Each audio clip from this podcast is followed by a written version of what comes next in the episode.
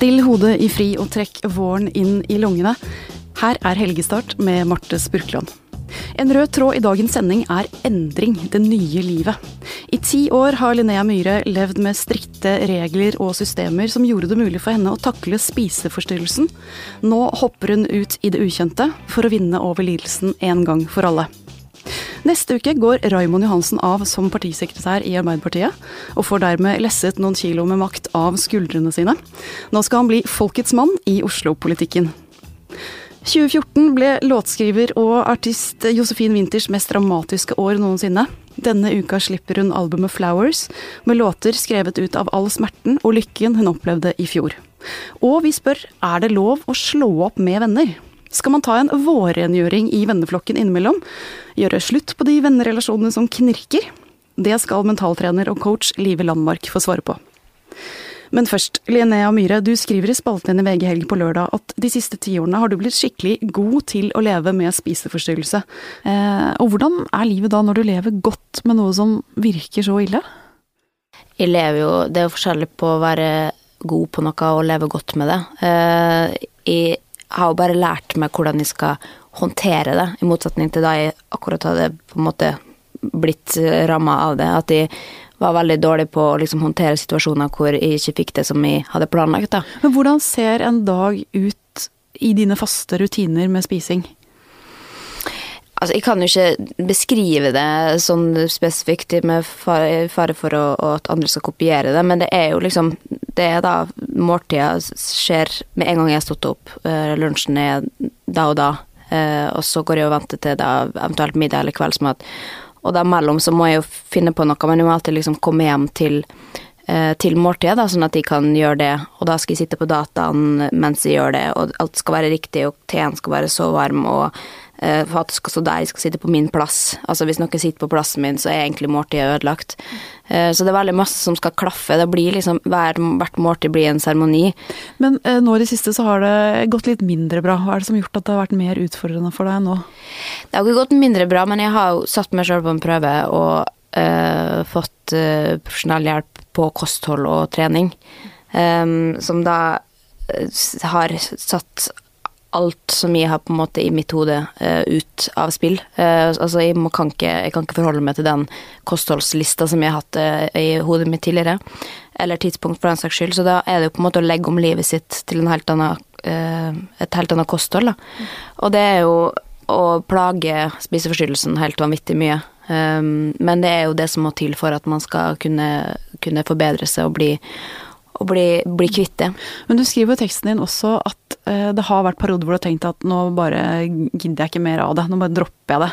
Nå bare gir jeg meg hen til det og lar det ta overhånd igjen. Uh, har du det, Ja, det er jo en, en, løsning å gi opp, selvfølgelig. Og da er det jo på en måte da er det jo psyken som tar over. Da vil jo altså, den tvinger det til å gå ned i vekt og slutte å spise, uh, rett og slett. Fordi det blir for mye å takle. Det blir for mye planlegging rundt måltid og du liksom Altså, jeg kan jo så godt uh, å sulte med, på en måte, at det, er, at det, er, jo det som er nesten normalen for meg, uh, og det er alltid nesten ser tilbake til, eller uh, Det er jo alltid en del av meg som har lyst å, å være tynn igjen, men den er jo veld, blir veldig, veldig liten i forhold til den andre delen som har lyst til å være frisk og, og oppegående. Mm.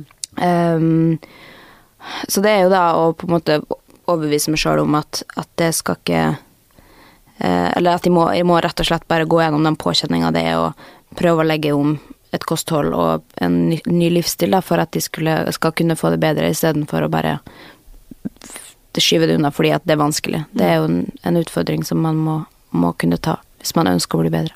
Så det du må gjøre, er å gi slipp på den tryggheten som de faste seremoniene dine har gitt deg, da? Ja, jeg må rett og slett det. Og, og mm, og det er kjempe, kjempeskummelt for en med, med spiseforstyrrelser. Det Hvordan kjennes det?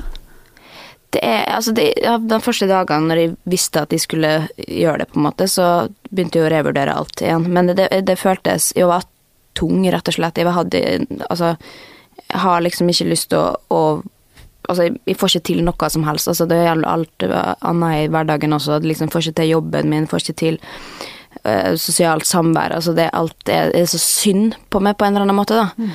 Um, og det, det, er det jo selvfølgelig ikke, satt i, med, i kontekst med veldig mye annet, men jeg føler meg i hvert fall veldig tung og, og håpløs på en eller annen måte. Mm. For det handler mye om å ha rutiner og rammer for hvordan du kommer deg gjennom hver enkelt dag, hvert enkelt måltid. Er det det som er mestringsverktøyet? Ja, det er liksom Du blir veldig besatt av at ting skal være på, på Eller i hvert fall i mitt tilfelle, da, at det skal være på tidspunkt, og, og at det skal være hva det skal være, på en måte. At det, du har du står opp på samme tidspunkt hver dag, og så spiser du det samme hver dag, eh, til eh, samme tids, altså, tidspunkt. Så det er du blir veldig fanga i et sånt mønster som du ikke kommer ut av, og når du plutselig da noen inviterer deg på middag, så, så må du si nei fordi at da ødelegger det mønsteret ditt. Mm.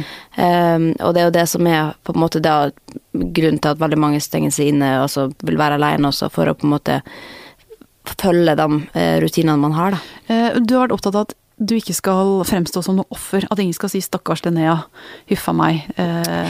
Ja, det er jo veldig lett å bli sett på som det med en gang. Det er derfor jeg er veldig forsiktig når jeg prater om spiseforstyrrelser, også fordi at med en gang folk snakker om ting som er litt tabu, eller sånn, så er det sånn Stakkars det, da, som du som også Fordi jeg snakker høyt om det. Jeg snakker jo først og fremst om det fordi Ikke fordi at jeg har lyst på sympati, men fordi at jeg vet at det er viktig og at vi prater om det, for at det er så mange som er ramma av det. Um, så alltid så syns jeg det er veldig ubehagelig å skulle være med på ting som hvor man snakker om det. Um, fordi at det er alltid en som tenker herregud, hun prøver å, å, å få masse sympati og, og ja, likes uh, på sin sykdom, på en måte. Uh, og det er jo ikke det jeg er ute etter, det er heller tvert imot. Ja, du vil heller vise at du kan vinne over dette her, nok en gang? Ja, eh, det vil jeg. Altså, jeg vil jo på en måte kunne inspirere andre, og det er jo det jeg har gjort ved å skrive to bøker om emnet, stort sett også, at, de, at de vet jo at det hjelper eh, folk som er i samme situasjon. Um, det er jo ikke utelukkende derfor, men jeg vet jo at det er, det er bra å dele. Istedenfor at alle skal ha sin egen lille sykdom i sitt eget hode som man ikke har lyst til å dele med, med noen. Så. det å leve med en som har en spiseforstyrrelse, sånn som du har, enten er som en kjæreste eller som en nær venn, det må jo også være litt vanskelig, for hva gjør man egentlig? Eh, hva gjør man i forhold til måltidet, hva gjør man, hva slags backing trenger man? Har du noen noe tips der? Altså hvis, hvis man har hvis man et, har et apparat som hjelper det, eh, altså du er, har en terapeut eller sånn for å bli bedre, så er, skal det holde, på en måte. Men dem som men så lenge du har det, da, så tenker jeg at de som er rundt deg, om det er så kjæreste eller familie, så må man egentlig bare la dem uh, La dem få gjøre som de vil, ikke drive og stoppe dem i sine ting, for da vil det bare Da vil man Tror man de fleste vil trekke seg unna, de som prøver å nekte det å gjøre sånn eller sånn, eller nekte det å ha dine rutiner, på en måte. For det er jo en kontroll som selvfølgelig må utfordres, men Eh, det er jo kanskje ikke kjæresten eller mora opp, sin oppgave å gjøre det frisk. Det er jo heller å, eh, å akseptere at det er, det er jo en, en sinnslidelse, ikke noe man gjør for å være trassig. Um, og det er kanskje vanskelig for mange å forstå, men så i alle mine venner som har akseptert at de har vært sånn som jeg har vært, de har jeg fortsatt, mens de som kom liksom og sa nå skal vi spise Linnea, nå skal vi eh, skal vi kose oss. Så da de, de kvitta jeg meg med, fordi det ble for mye, ble for mye mas. og eh, jeg følte at de ikke så på meg som et menneske, de så på meg som en pasient eller et offer. Eh, så jeg, jeg anbefaler å se på dem som mennesker og la dem få holde på med sitt. Selvfølgelig ikke gå ned i vekt til de dør, men, men å, å, opp, å, oppmuntre, da, heller enn å, å presse. Mm. Eh, du skriver på slutten av teksten din at du vet ikke helt hvordan dette prosjektet ditt går, men det nye regimet og den nye måten din å leve på. Nå har du prøvd det en liten stund, hvordan kjennes det nå? Det er overraskende fint, altså. Er, jeg hadde jo ikke trodd det, men jeg, jeg vet jo med meg sjøl at med en gang jeg forandrer noe, så tar det et par dager, og så er, alt, så er det innarbeida på en eller annen måte. Um, jeg har jo selvfølgelig mine stunder hvor jeg savner savner å å ha det sånn som jeg har det, og ha, være fri på en måte, eller fri i mitt eget hode, da. Men øh, jeg har så vanvittig mye mer energi og øh, så mye mer allsidig, da. Uh, jeg slapp liksom nå kanskje å, å, pakke med meg alt øh, alt pålegget mitt i, i kofferten hver gang jeg skal ut og reise, fordi jeg er redd for at de ikke har det der jeg skal reise. Så nå kan jeg nesten spise alt. Jeg har aldri laga så mye mat siste, som jeg har gjort de to siste ukene nå. Du må ha fantastisk mye lykke til videre. Tusen takk for at du kom til Helgestart. Linnea forlater podkasten nå, og vi skal over til noe helt annet. Eh, Raymond Johansen, neste uke går du av som partisekretær i Arbeiderpartiet. Eh, en av de mest sentrale posisjonene i norsk politikk. Du har hatt mye makt i dine to hender de siste seks årene. Trekker du nå et litt sånn lettelsens sukk?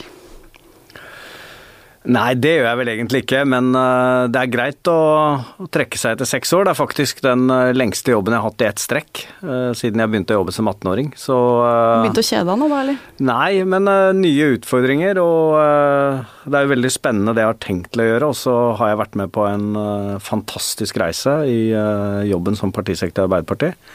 Både de fire årene hvor vi hadde makt, og nå de årene i opposisjon. Og jeg har vært en av de få partisekretærene som over fire måneder har opplevd og hatt målinger på over 40, 40 så det har jo vært en som kan si at man gir seg på topp. Eh, men det er jo, det er jo rart òg. På søndag så skal jeg pakke kontoret og har bestilt pappesker og, og det hele, så det er jo en livsstil, dette her. Det er jo eh, ikke en vanlig jobb. Er liksom, den er med deg hele tiden. Så kommer sikkert til å gå opp for meg om noen dager mm. uh, hva det innebærer. Men som partisekretær så er du jo først og fremst partiets mann. Mm. Og, det du har tenkt å bli nå, det er jo byrådsleder i Oslo. Mm. Da må du bli folkets mann. Uh, hvilke egenskaper har du som kommer til å gjøre at folket kommer til å elske deg? Et godt utgangspunkt er at jeg elsker byen min. Jeg har bodd der i hele mitt liv.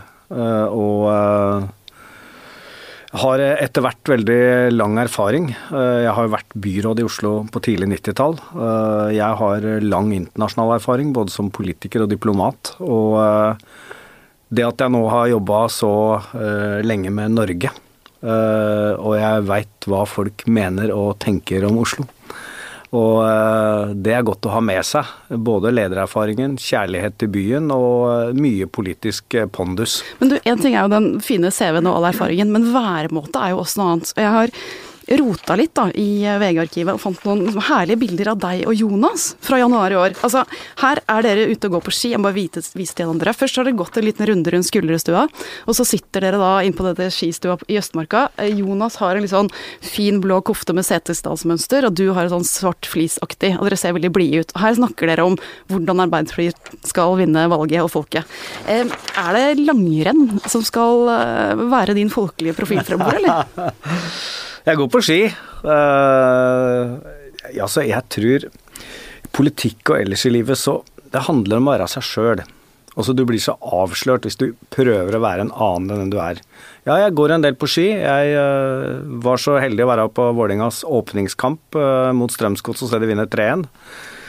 Uh, jeg er mye rundt i, i naturen og og eh, mye rundt i byen. Eh, men utgangspunktet er at jeg skal være meg sjøl. Noen liker det, andre ikke, så får jeg ta det på, på kjøpet. Men, eh, men du, der... nikkers og eplekinn, det er jo litt sånn tradisjonelt, litt klisjénorsk. Live Landmark, hva tror du holder det i våre dager, hvis du virkelig skal bli omfavnet som den nye profilen til hovedstaden? Jeg tenker jo at han må vise de varme, omsorgsfulle sidene som eh, han viste oss idet vi kom inn i gangen her. Så hilser han jo på alle, og så er han fus til å bære. Vi skal bære noe utstyr opp. Og det når Raymond sier at han er veldig glad i byen, så lurer jo jeg på hva da? Er det bygningene du er glad i? Si det, da! Det er jo folka! Ikke sant? Og er, når du tenker at man skal inn og ha en rolle som eh, en leder for byen, så, så, er jeg mye mer interessert i den varmen og kjærligheten du har for folka i byen. Eh, og, og alt det har du jo, men eh, må, du må jo snakke om det, du må vise det. Alt det som er deg. Det som er deg, altså du var jo i en spalte i VG Helg for et par uker siden hvor du viste et par andre sider av deg selv. 'Mitt syndige liv' heter den. Eh, der avslører du at du er veldig svak for hårstilen hockeysveis. Eh, Var! Du er glad i punkrock, eh, men blir det ekstra seint på kvelden, så spiller du gjerne Chartersveins låt 'Kongen av Mallorca'. Eh, Josefin Winther, du er jo musiker. Ville du stemt på en mann med denne musikksmaken? Punkrocken eh, går absolutt i hans favør for min del. Den andre sangen, eh, må bare innrømme at jeg vet ikke hvilken det er men han lo jo veldig. Så er det en veldig sånn klein sang å høre på? Definitivt. Det er ganske kleint. Altså, basert på tittelen så vil jo så har jeg jo mine fordommer, men jeg stiller med et åpent sinn. Hva er det med kongen av Mallorca? Jeg er mye på Mallorca, øh, og har øh, det er liksom på, på, på veldig, veldig seine kvelder og ikke så mange mennesker rundt, så setter vi den på full guffe.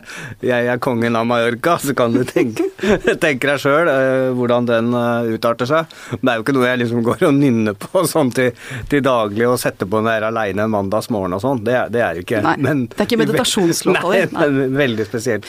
For å avsløre, avslutte litt der vi startet mm. med din følelse for Oslo og hvordan du skal uttrykke den. Hvis du skulle sette en, et soundtrack til valgkampen. Hva blir det? Oi øh, øh, Det var øh, den må jeg få komme litt tilbake til og tenke litt på. Sånn, du skal få tenke på den til slutten av sendinga. Ja, det skal jeg gjøre. Da er vi veldig spent på hva, ja, hva det blir. Jeg også var jeg Det kommer til å komme til deg, vet du. Det gjør det helt sikkert. Eh, Live Landmark, da hopper vi eh, rundt hjørnet til deg. Du er altså coach og mentaltrener, og vi har tilkalt deg som eksperthjelp til kropp og sjel-sidene i VG Søndag denne uka, fordi vi lurer på er det lov å slå opp med venner? Altså, Hvis du har en venn hvor relasjonen knirker og har gjort det en stund, er det like greit å bare gjøre kort prosess og si at nå er det nok, nå har jeg ikke lyst til å ha deg som venn lenger? Det å snakke om vennskap og slå opp med venner, tenker jeg at vi først og fremst trenger å definere vennskap. Eh, fordi jeg kan svare veldig krystallklart ja på at man bør slå opp med dårlige relasjoner. Eh, men, og det er klart det at det, eh, da er det noen som motargumenterer og sier men da er det ikke en venn hvis det er en dårlig relasjon. Eh, så hvis man liksom må definere vennskap først, og hvis man da snakker om at det handler om to ting, kjærlighet og tillit, så vil det vel kanskje vanskelig komme i situasjoner hvor man trenger å slå opp. Men det er nok ganske mange som har relasjoner som ikke har det riktige eller det gode fundamentet. Og hvis relasjonen ikke gjør deg godt, så mener jeg at det er på tide å slå opp. Den klassiske måten å gjøre det på, er som vi diskuterte litt i stad, bare fase dem litt ut. Den feige utveien. Ja, eller det, det, man trenger jo ikke nødvendigvis å ta et oppgjør. Det som jeg tenker er verdifullt, og i de situasjonene det er verdifullt å ta et oppgjør, er hvis man ønsker å bevare relasjonen. Det er skjedd et eller annet som du ikke liker, eh, og så tar man det opp og legger det på bordet, og så ser man om det er mulig å få til en endring. Ja, For det gjør man jo med... For da kan man få en forsterket relasjon i etterkant. For gjør jo det med kjæresten ved jevne mellomrom. Sier ja. du den vanen der, den liker jeg ikke. Det ja. plager meg så utrolig mye at du holder på sånn. Kan du slutte med det der? Og så ja. får man en runde, og så blir det ikke så hyggelig, eller så blir det ganske smart. Eh, men det gjør man jo ikke med venner. Da skjærer man tennene ja, litt i det stille og Da må du snakke for deg selv. Fordi noen gjør det. Det er klart, ikke sant. Hvis du, har godt, eh, hvis du har en god relasjon i utgangspunktet, hvor både kjærligheten og tilliten er til stede, så tenker jeg at da er man litt rausere med de tingene som ikke er helt ok. Men hvis man ikke har den forutsetningen på plass, så vil det være ting som kan knirke. Og hvis man da havner inn i dårlige relasjoner hvor du har en dårlig følelse gjentagende gang, hvor noen enten bestemmer for mye over deg, eller snakker deg ned, osv., så, videre, så mener jeg at relasjonen, uavhengig av hvor lenge den har vart, ikke er verdt å ta vare på. Mm. Og lykkeforskningen sier noe sånn som at det kanskje er bedre med få og gode venner enn mange halvgode venner? Ja, jeg leste akkurat litt forskning før jeg kom hit, og det var en stor studie fra Australia som viste at for mennesker over 70 så var relasjonene til vennene viktigere for livskvaliteten og livslengden enn nær familie og barn. Det overrasket meg litt.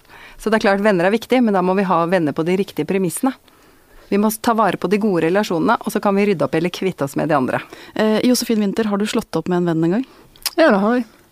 Gjorde du det på den eh, fasa det ut-måten? Eh, det passer ikke lenger, vi får ikke til å treffes, eller sa du fra? Nei, jeg sa ifra. fra.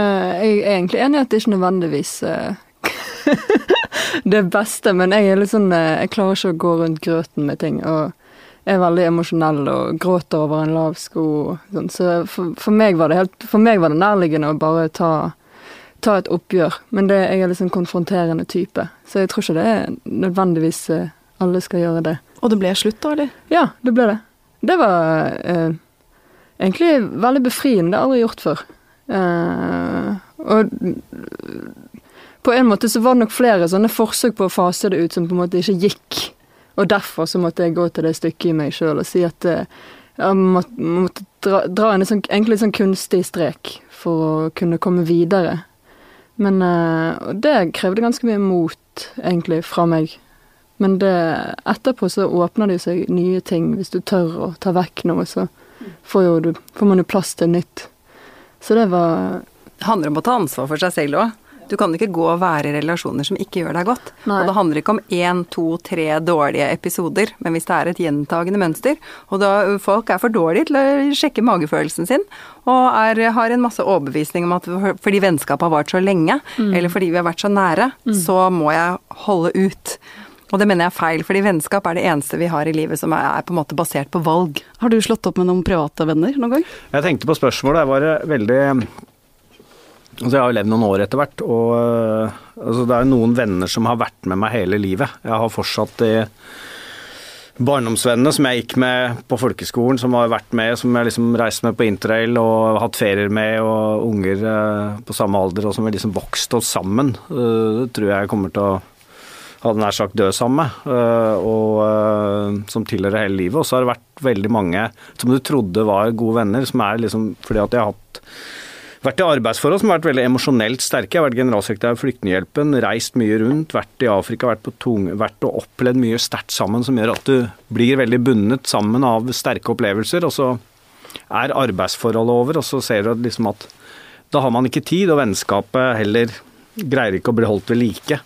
Så heller det enn å, enn å slå opp, så syns jeg problemet har vært å greie å ha tid til å beholde egentlig mennesker du, som ga deg mye. Men det er liksom Ser tilbake, så er det tidsepoker. Da, da var det venner nære i de periodene, ofte knyttet til, eh, til jobb. Men eh, de som liksom har hatt problemer med, da, og som liksom opplever at de som ødela familieselskapet med å komme med mye rasistiske utsagn og andre, det, det bare fases ut på en måte. Altså De blir ikke invitert neste gang. Og da serverer vi definitivt bare vann. Og så det, altså, Så du er han fyren som slår opp på den måten at du slutter å svare på SMS og ringer tilbake? Da vet vi det. Ja, da veit du det. Ja, men jeg tror liksom, jeg finner ikke at det er verdt det, på en måte. Altså, det er noen av de få nære vennene som da, hvis det hadde skjedd noe sånn, så måtte man kanskje ta et oppgjør med sikte på at man ville reparere det. Men alle de andre som er flyktige, som er bekjentskaper gjennom livet, det ja. Sånn gikk det bare. Skal vi prøve å nærme oss en konklusjon på at hvis det knirker, så ta nå i hvert fall en prat, da. Eh, Kom med de tingene, legg dem på bordet og hør om det fins en endringsmulighet der også. Og så er det lov å slå opp. Eh, Josefin Winther, du slipper albumet Flowers nå på fredag. Gratulerer. Dette er et knippe med låter som ble til i løpet av 2014, et år som bød på mye rart av topper og bunner for deg. Hvis vi skrur tiden tilbake til mai i fjor, det var finalen i Eurovision Song Contest, du hadde skrevet Norges bidrag Silent Storm, og du var i salen da Karl Espen sang oss til åttendeplass. Det var også en annen person i salen som var spesielt viktig for deg den kvelden? Eh, på Eurovision-finalen i København så var Jeg har en ganske stor familie, og en av de som var der, var pappa. Eh, og det var, som du beskrev, så var det eh, et av de største tingene jeg har opplevd i mitt liv. Og jeg har jobbet med musikk ganske lenge, og få, få stå bak låten som representerer Norge, og, og se min fetter synge den og sånn, i seg sjøl var det utrolig stort. Og så har jeg, en, har jeg hatt en veldig eh, stor fan hele livet, og det er pappa, som har støttet meg eh, eh, vanvittig mye og vært så utrolig entusiastisk på mine vegne og elsket at jeg har turt å gå mine egne veier og tatt alle mulige slags idiotiske valg for å kunne være musiker, da. Eh, og han eh, Så han var der, og det var veldig fint, eh, men han ble syk Eller han var vel syk, det viste seg at han hadde vært der ganske lenge, så han ble innlagt på sykehus dagen etterpå. Han kom hjem. Ja. Og så døde han eh, ti dager etter det. Så det var et sjokk. Du forteller jo om dette her i VG Helg, eh, og det som ser så fint ut, eller låter så fint, er at dere, du og din forlovede Kimberley og familien var jo rundt der, og dere Mm. nærmest sang ham videre, sier dere. Ja, eh, jeg, jeg, jeg, har- fremdeles ikke så mye, opplever jeg da, klokt å si om sorg. Altså det er mindre enn et år siden han døde, men vi gjorde det som føltes nærliggende for oss, og det var å komme sammen. Eh, vi var jo, det var jo ti dager med på en måte der vi håpet at han skulle overleve, og da var vi vel 20-30 stykker inne i det venterommet til enhver tid. Sant? For vi er, ganske, vi er seks søsken, og så en del koner og menn og kjærester og ja. Og da er det liksom, hva gjør man da? For oss så var det å synge. Eh, han, jeg vokste opp i baksetet mens han har kjørt på rundt i Norge med oss på familieferie. Altså man kan ikke fly når man er seks barn, på en måte.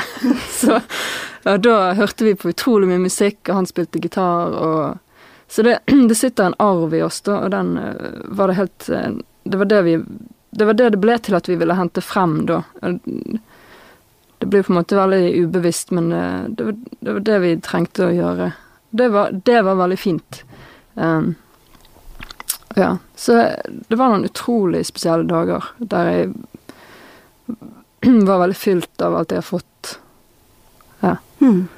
Eh, og så ville tilfeldighetene det sånn at bare noen uker etter dette her, så skulle du og Kimberley gifte dere. Ja. Eh, og da lurte dere på om dere skulle avlyse hele greia. Ja. Ja det, var- det var helt surrealistisk. Altså, Kimberley syntes det var Altså, det var jo veldig tøft for alle, og det er det ennå, men hun skjønte ikke hvordan i alle dager vi skulle stelle i stand Altså, vi skulle jo til Italia. Så jeg ler når jeg, når jeg kunne ha grått, så denne latteren er litt sånn tvetydig. Ja, vi skulle til Italia, eh, og det var planlagt i sikkert et år. Og hva gjør man da? Skal vi avlyse alt? Skal vi si til de som ikke er familie, at de skal la være å fly inn, eller altså sånn. Så hun sa at vi burde bare vente med det til det var Ikke alt var så vondt. Eh, men for meg så var det liksom Jeg kjente at til tross for at jeg var midt inne i det infernoet der, så hadde jeg lyst til å gifte meg med Kimberley. Så for meg var det veldig sterkt å kjenne at eh, Eller det ga meg egentlig bare en bekreftelse på at det var et godt valg, da. Eh, Hvis, hvis det føltes eh, eh, riktig da, så ville det vel føltes, føles riktig i mange andre sammenhenger. Og når jeg sa det til hun, så følte hun seg veldig betrygget. Det- I gode og onde dager, ja, rett og slett. rett og slett. I, så det ble en veldig fin eh, helg, eller hva var det, tre dager.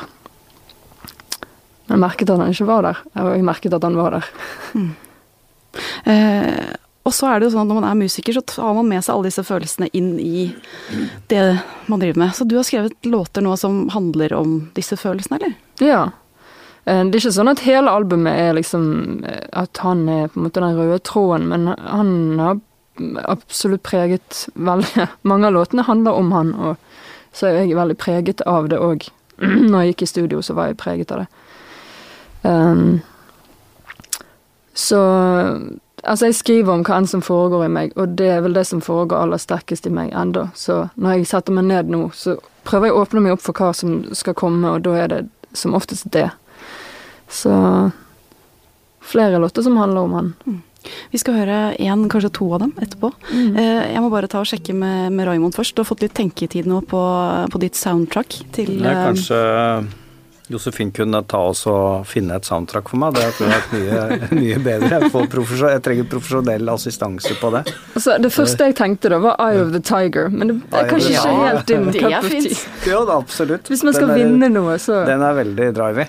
Den bruker jeg, Jeg faktisk som, den. eh, jeg bruker jeg faktisk som løpemusikk. Ja, Jeg har satt ned en del låter når jeg løper. Så liksom holde energien oppå den er full av energi. Så Da gleder vi oss til å gå ned Karl Johan mens Ayod og Tiger dundrer Det er jo løs. Tigerstaden, da. Ja, det er jo det. Ja, ja. En union stemme fra oss her på det. Eh, Du skal få gjøre deg klar, Josefin. Tusen takk til eh, Raymond og Live som var gjester hos oss i dag, og eh, Linnea Magne Antonsen som har produsert. Vi høres neste uke. Looking at you today, changed my mind again. Or let's say I had a change of heart. I am going back to the start again. For a long, long time, I thought I was lost. Now I know I am. How could we want something that bad so bad? How could we cause such destruction? Getting a hold of each other's hearts, then pulling in opposite directions. What is the difference between hope and delusion when we don't have a clue when to stop this? Stumbling into the future, I saw a peaceful version of At least that's what I thought I saw.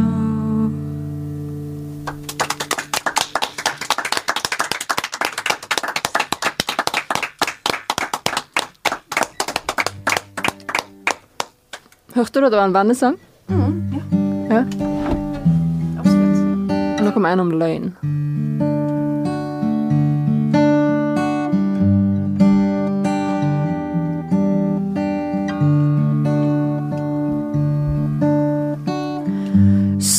Many lies you've gotta tell me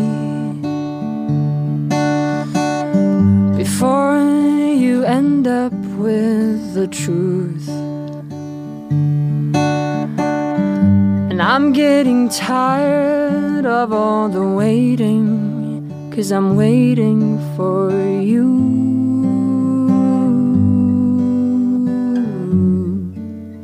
I'm waiting for you.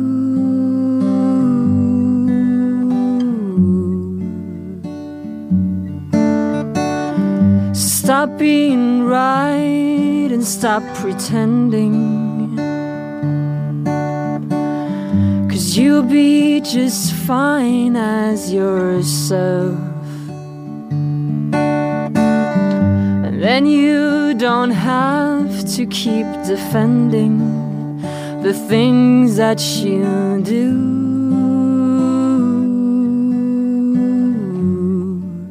Still waiting for you.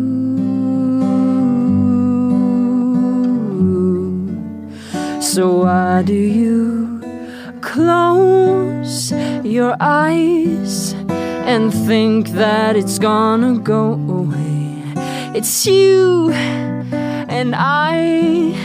But how long am I to wait? Cause there's more than this, and I need to get out. Cause it's a lie, it's a lie,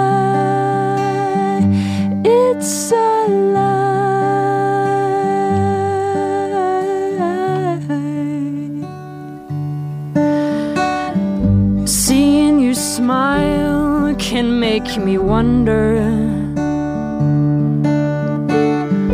Hearing you talk just makes me shake. Awaiting the day when you go under for all that you do.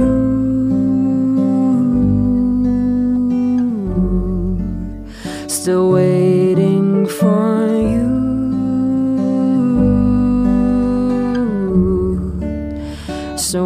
So do you close your eyes and think that it's gonna go away? It's you and I. But how long am I to wait? Cause there's more than this, and I need to get out. Cause it's a